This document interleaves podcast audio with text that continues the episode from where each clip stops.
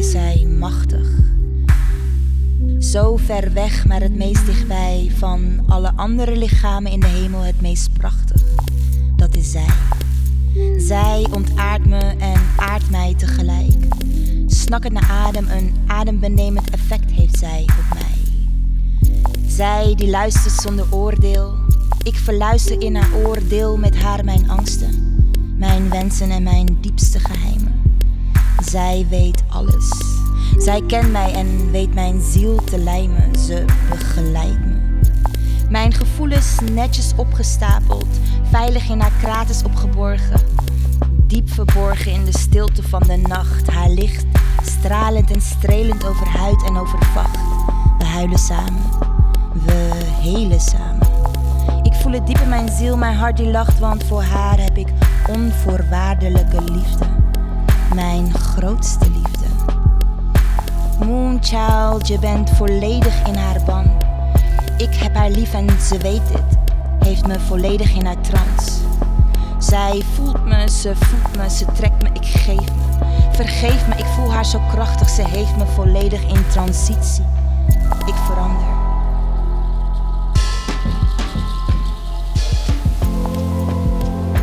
Verander zoals haar standen. Ik hou mij staande in haar licht. Zij verlicht mijn paden, geeft mij in donkerte meer zicht hier op aarde. Is ze krachtig. Zo ver weg, maar het meest dichtbij. Van alle andere lichamen in de hemel het meest prachtig. Dat is zij, de maan.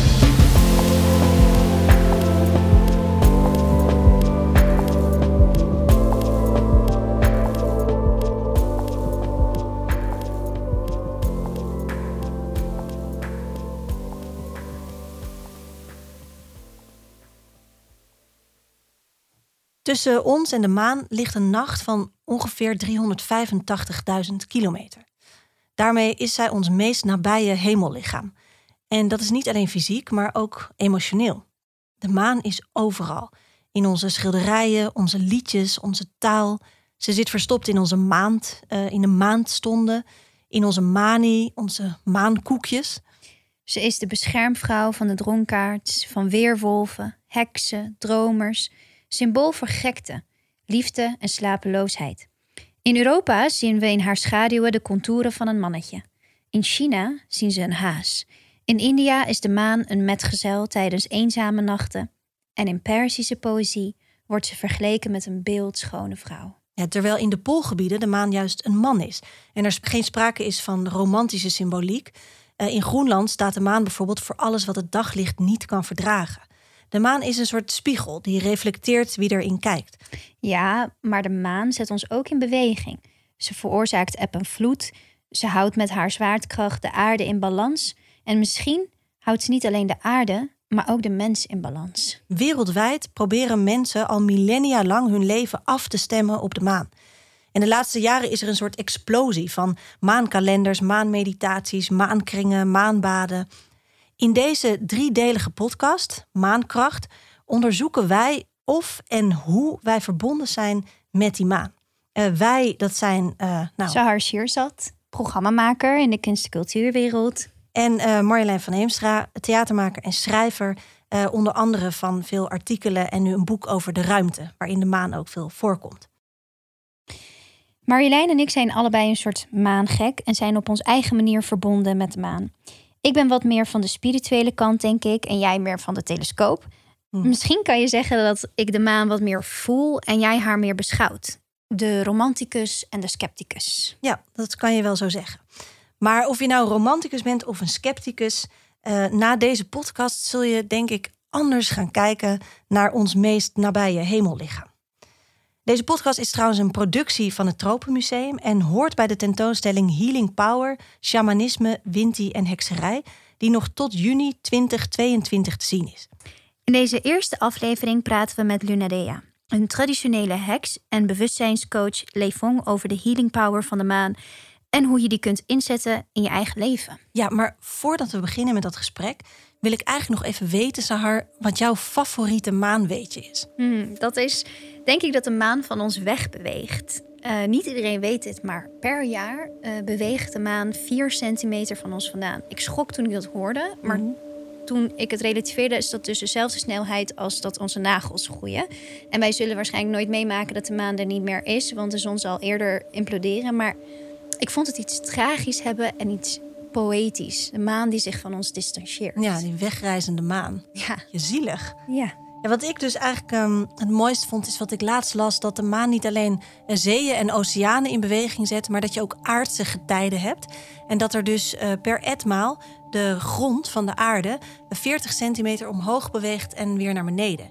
Ik las dat in een boek van een ehm, Frans-Malinese astronoom en die noemt dat de geheime ademhaling van de aarde. Prachtig. Ik zie echt zo'n soort eh, aardse borstkas omhoog en omlaag bewegen. En dat is eigenlijk ook waar we het vandaag over gaan hebben met onze gasten. Hoe de maan ons in beweging zet. Niet alleen fysiek, maar ook spiritueel.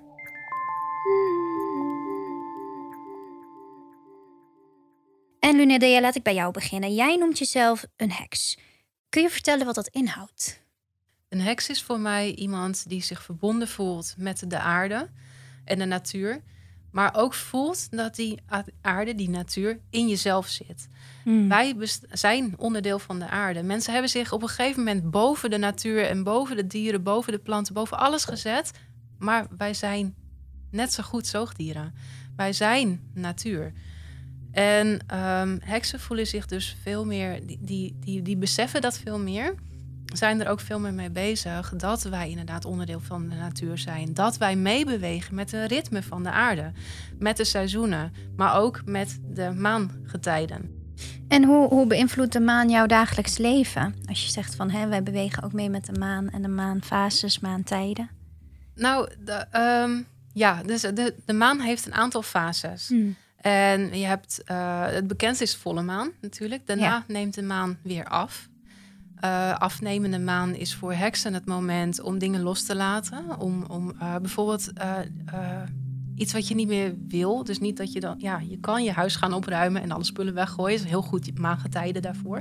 Ehm, je zou ook spiritueel in je eigen bewustzijn kunnen zeggen van nou, er zijn gewoon dingen waar ik gewoon korte metten mee wil maken. Ik wil gewoon stoppen met roken. Of ik wil stoppen met een, een vriendschap die niet goed gaat. En dat zijn hele mooie momenten om dat met afnemende maan in te zetten. Om daarmee te beginnen.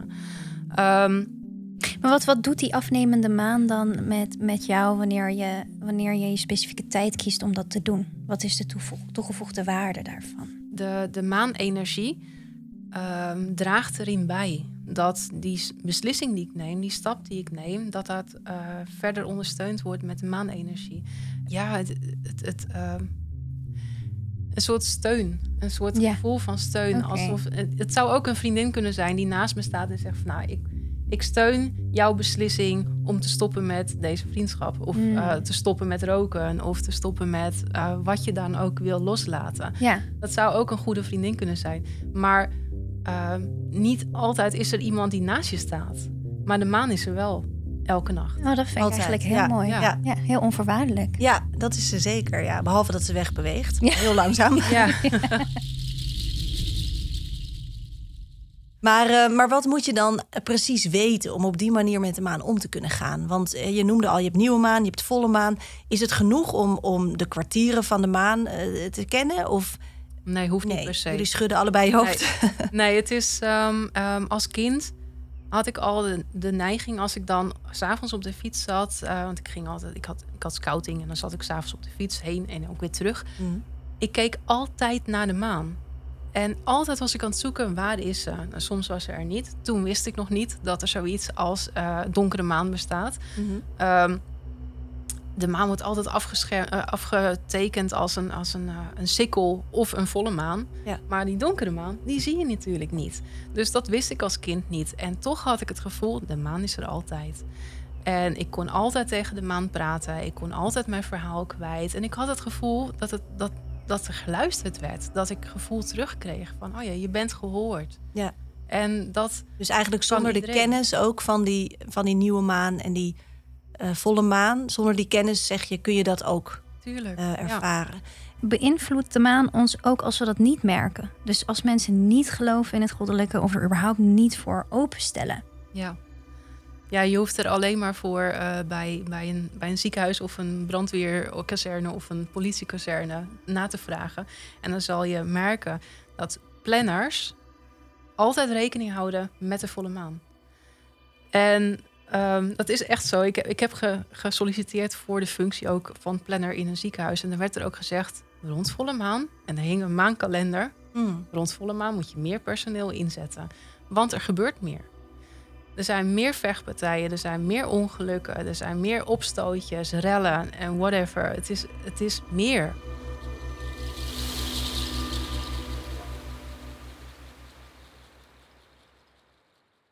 Leefong, op welk moment in je leven werd jij je echt bewust van die spirituele invloed van de maan? Eh, elke dag, maar nooit bewust. Nee. Totdat ik bewust werd van, oh ja, wat doet de maan dan? En eh, niet alleen de maan, want ik werk heel erg met de Maya-kalender. Oh ja, En de Maya-kalender is verbonden aan de, aan de maan. maan. Ja. Ik heb een Aziatische achtergrond, dus Ja. eigenlijk werken wij ook met de manen. En onbewust ben ik daar dus toch mee verbonden geweest. Ik laat me niet bewust beïnvloeden door de maan. Ik heb ook nooit een maanmeditatie gedaan of iets dergelijks. Ik kijk heel graag naar de maan. Ik heb een telescoop en dat vind ik fantastisch. Maar het is voor mij meer een uitzicht en iets heel poëtisch. Maar wa- wat is het verschil, zeg maar? Wat, wat mis ik? Niks. Oké, Top. want, want, want wat zou je moeten missen? Want je hoeft niks te missen. Jij bent mens. Jij bent voor jouzelf hier. Als jij kan genieten van de maanenergie die op dat moment er is, lieverd, blijf gewoon lekker kijken en voel wat er met jou gebeurt. jij begeleidt mensen hè, als Zeker. bewustzijnscoach. Ja. En ik neem aan dat je dan naar allerlei aspecten kijkt. Van, van verleden, van, van identiteit. En hoe verhoudt de maan zich tot die verschillende aspecten? Heel veel mensen hebben eh, patronen. En die patronen, eigenlijk ben je als mens, eh, eh, leer je om eigenlijk jezelf te bevrijden. Dus we hoeven die bagage, emotionele bagage niet mee te nemen. Ook niet van je familie. En ook je karma niet. Ook je vorige levens niet. Maar dat is allemaal heel erg abstract. Dus eh, wat eigenlijk eh, mensen niet weten is dat de volle maan en, en, en, en, en, en hè, de maanstanden eigenlijk jou helpen om je eigenlijk nog meer eh, bewustzijn eh, eh, te komen en alles los te laten wat je niet meer nodig hebt. Die ondersteuning en het soort stimuleren in het gevoel. Lunadea, jij had het, eh, jij had het daarover. Kan jij eh, een concreet ritueel noemen of andere rituelen dan meditatie... waarin je je bewustzijn kan openen voor de maan? Ja, er zijn in hekserij een aantal eh, rituelen die wij uitvoeren. Ehm, niet altijd, hè. Hekserij is gewoon heel vrij. Als, je het, als, als het je past, dan doe je het wel. Heb je er geen gevoel bij, doe je het niet. Ehm, maar je kan bij, eh, bij nieuwe maan of eh, kan je loslaten ritueel doen. Dus dan kan je bijvoorbeeld alles wat je wil loslaten op een briefje schrijven en dat verbranden. Eh, Terwijl je buiten bent en de maan daar ook op schijnt. En ook op jou. Ehm, je kan bij donkere maan is het vaak gebruikelijk om, ehm, dat heeft met je schaduwkant te maken. De schaduw van de maan is natuurlijk dan het grootst. Je ziet geen maan, dus de schaduw in jou is ook het grootst aanwezig. En dan doen heksen vaak rituelen die te maken hebben met, met het stukje ehm, eh, tijd nemen voor jezelf. Dus je kan bijvoorbeeld een maanbad nemen met kruiden erin. En dan lekker in bad gaan en je helemaal rustig voelen. Ehm, je kan dus ook mediteren in bad. Het hoeft niet. Ehm, maar dat gaat allemaal over rust. Rust nemen voor jezelf. Rust nemen voor Vertragen. je lichaam. Ja, vertragen. Ja. Dus ru- rust voor je lichaam, maar ook voor je geest. En ehm, dat hoeft dus niet buiten, want de maan is dan toch niet zichtbaar. Maar de maanenergie is er altijd.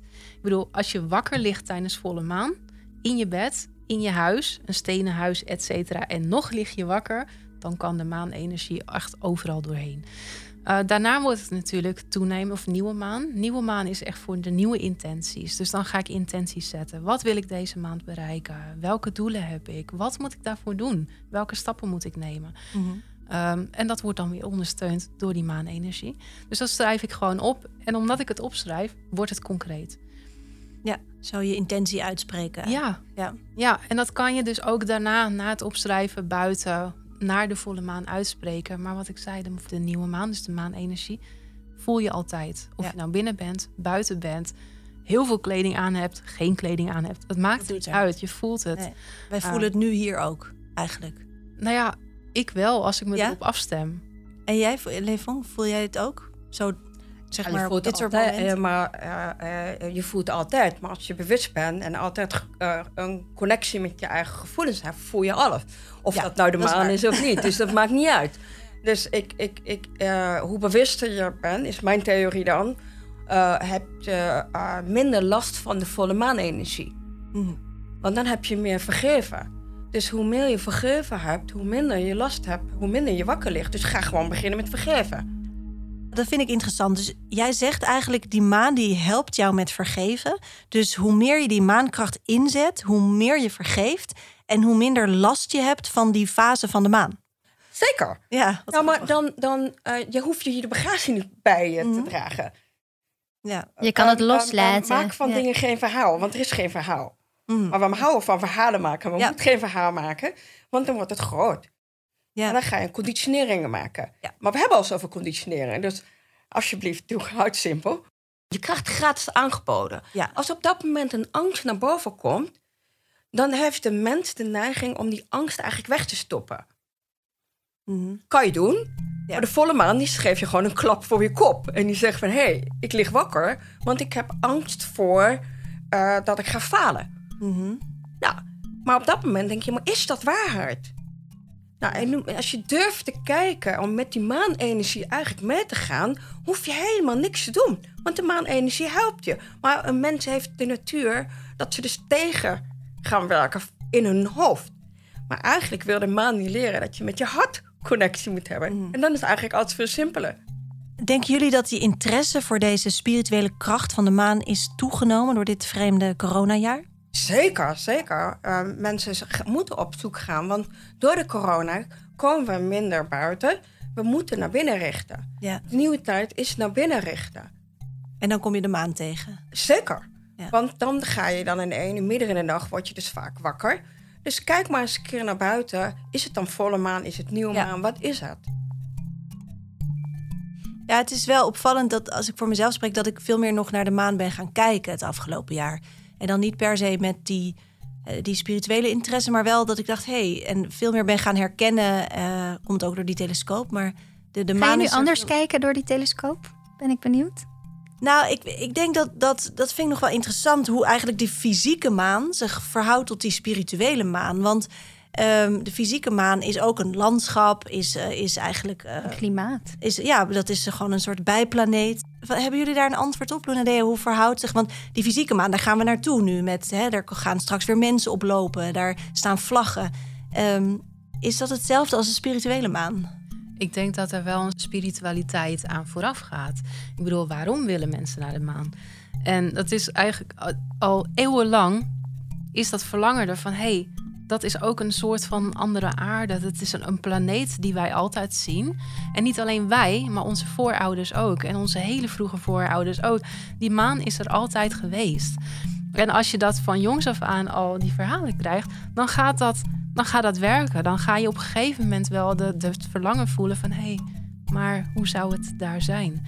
En ik denk dat vanuit dat verlangen op een gegeven moment mensen naar de maan zijn gegaan. Maar dat was niet echt een spirituele reis natuurlijk. Dat was Nee, een technologische, nee nationalistische. maar toch gaat er een verlangen aan vooraf. Ja. Het ook masculien noemen eigenlijk? De masculine Masculine fascinatie van de... Nou, je hebt, je hebt bijna... Ja, dat was ook interessant. We hebben daar een gesprek over gehad van...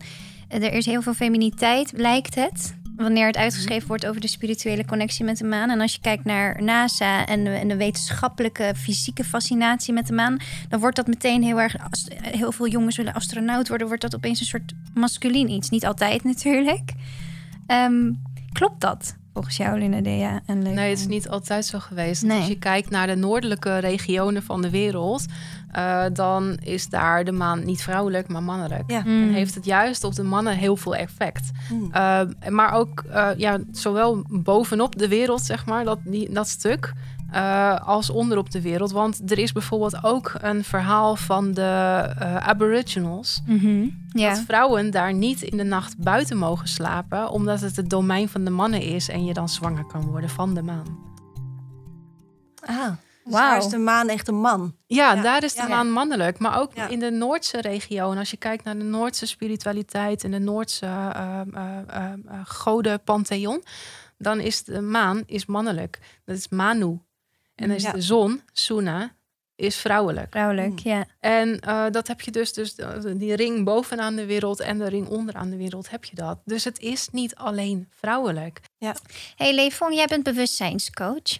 Uh, mentor. Mentor. Sorry. Maakt niet uit, ik moet sorry zeggen.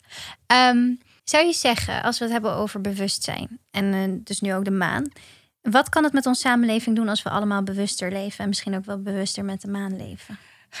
Als we allemaal bewust worden van ons eigen kunnen en ons eigen lasten, dan leven we in een hele mooie wereld.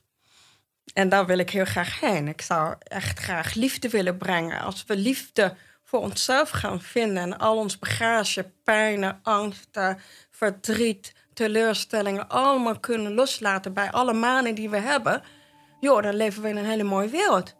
En kan je handvaten, uh, handvatten geven aan de, aan de luisteraars om, om uh, en misschien jij ook Luna Dea, iets van een ritueel om daarmee te kunnen beginnen? Ja, ik, wat ik eigenlijk uh, zou mee willen geven, voel bij jezelf. En wijs niet meer met een vingertje. Maak geen verhaal van een, een iets wat geen verhaal is. Zorg dat het geen groot drama wordt. Hè? Ik bedoel, we zijn gewend aan drama's te maken, maar maak geen drama. Want er is geen drama. Maar ga geen verhalen maken, maar, maar probeer de zachtheid weer in jezelf te vinden. En doordat we de zachtheid in onszelf vinden, kan je dus liefde voor jezelf vinden. Zorg weer goed voor je lichaam. Luister naar je lichaam. Elk lichaam heeft iets anders nodig. Ik bedoel, als jij tien oliebollen wil eten, omdat jouw lichaam dat wil, moet je dat doen. Niet omdat het boek zegt van, je mag dit niet doen. Dus jij weer te voelen. Jij zou zeggen, een middel is liever voor jezelf zijn. Ja. En daar kan die maan dus bij helpen. Omdat... Zeker, ja. zeker, ja. zeker. Want de maan helpt jou daar eigenlijk gratis bij. Ja. Als je er bewust mee omgaat. En Luna Dea, als jij nu naar, aan de luisteraars mee zou kunnen geven waar ze mee kunnen beginnen. Begin in eerste instantie met kijken naar de maan. Mm. En niet alleen als, hé, uh, hey, dat is een heel mooi hemellichaam en nu is hij vol en straks is er een stukje vanaf. En uh, oh, dat is aan de linkerkant of de rechterkant. Je ziet de maan en denkt dan eens, wat voel ik daarbij? Wat zegt de maan mij? Wat, wat wil ik tegen de maan zeggen? Um, welk gevoel Praat jij wel eens met omhoog? de maan? Ja. Ja, en dat, dat is voor mij het, het grootste ritueel, zeg maar. Het, het praten met de maan of tegen de maan.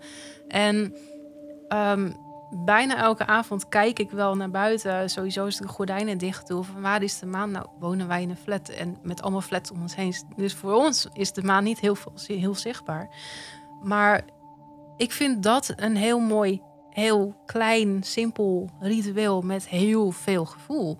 Ja, dus omhoog kijken. Ja, omhoog kijken. Kijk, kijk eens naar de maan, bewust. Mm-hmm. Marjolein, dat heb jij best wel veel gedaan eigenlijk. Je hebt er ook gedichten kijk, over uh, geschreven. ja, ik kijk veel omhoog. Ja. ja. maar praat je ook met de maan? En wanneer je poëtisch wordt, is het. Uh...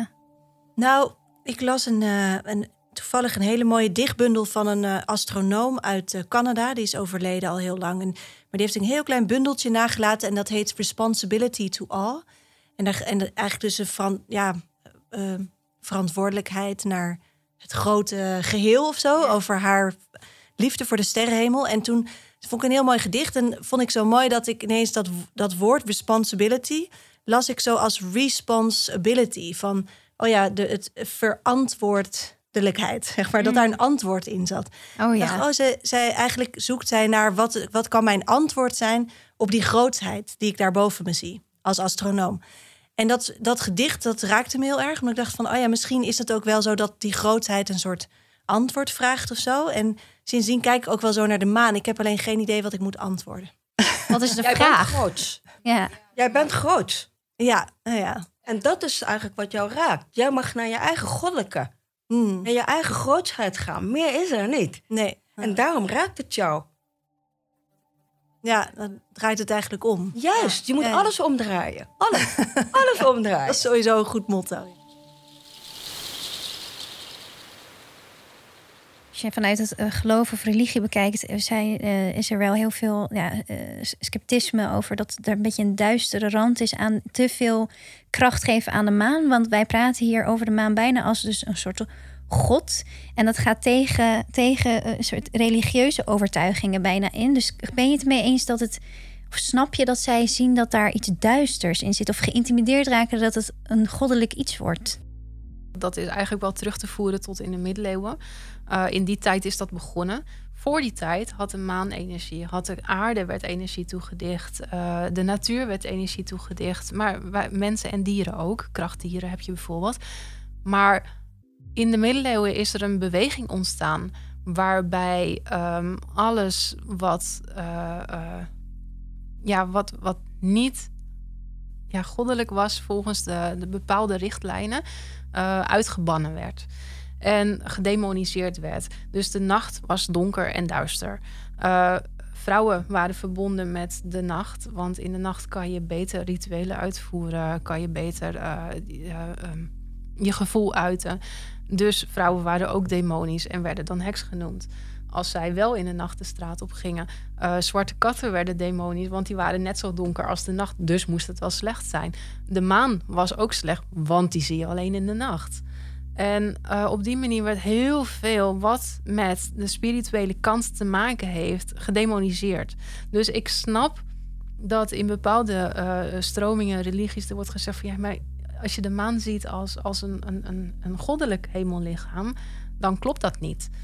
Um, ik zie het ook niet per se als goddelijk. Ik zie het meer als, als een hemellichaam wat ook energie uitstraalt, net als de aarde. Marjolein, wil jij nog iets kwijt? Nee, ik ga eens even heel diep nadenken over mijn eh, connectie met de maan. Niet denken, hè? Voelen. Oh ja, voelen. Voelen, voelen. Ja. Ik ga het voelen. Ja. Ik wil jullie bedanken. Ik vond het heel interessant. Ja, ik ook. Ja, dankjewel. Dankjewel dat ik mocht komen. Dit waren Luna Dea en Lee Fong in de eerste aflevering van Maankracht, onze serie over de invloed van de maan. Zou weet je wat er bij mij nou eigenlijk het meest blijft hangen? Is uh, die zin van Lee Fong: uh, maak geen verhaal, want er is geen verhaal. En bij jou? Ja, daar wil ik uh, gelijk op aansluiten. Want Lee Fong zei ook: maak geen drama, want er is geen drama. En ik weet niet waarom, maar ik voelde me heel erg aangesproken. Ja. Omdat ik bij volle maan wel eens denk van... ja, het is nu volle maan en alles wordt gemanifesteerd. En dan manifesteert zich ook wel het een en ander aan drama bij mij. Dus de volgende keer ga ik gewoon tegen mezelf zeggen... geen drama, want er hmm. is geen drama. Ja, ja. Ja, ik vond het wel mooi dat zo... maak geen verhaal, omdat het... een verhaal is zo lineair. Dat is een begin, een midden en eind. Dat is eigenlijk een streep... En als je dus geen verhaal maakt, dan ga je ook meer cyclisch denken. En die maan gaat ook zo over dat cyclische denken. Dus dan denk je niet in verhalen, maar gewoon in beweging die alsmaar doorgaat. En uh, dat was voor mij wel een soort uh, eye-opener. Ja. ja, ik denk dat vergeving daar ook bij aansluit. Want als je lineair denkt, dan zit je vast in het verhaal en ga je misschien niet doorstromen naar een vergevingsgevoel. Ja, dat kwam ook vaak terug, ja. vergeving. Ja. ja, mooi. Nou, zullen we hiermee afsluiten? Uh, nee, we hebben nog een kortingscode. Oh ja. Wil jij met 50% korting naar de tentoonstelling Healing Power in het Tropenmuseum? Voer dan de code MAANKRACHT in op tropenmuseum.nl slash healingpower en krijg 50% korting op je entree-ticket. Dat is dus tropenmuseum.nl slash healingpower.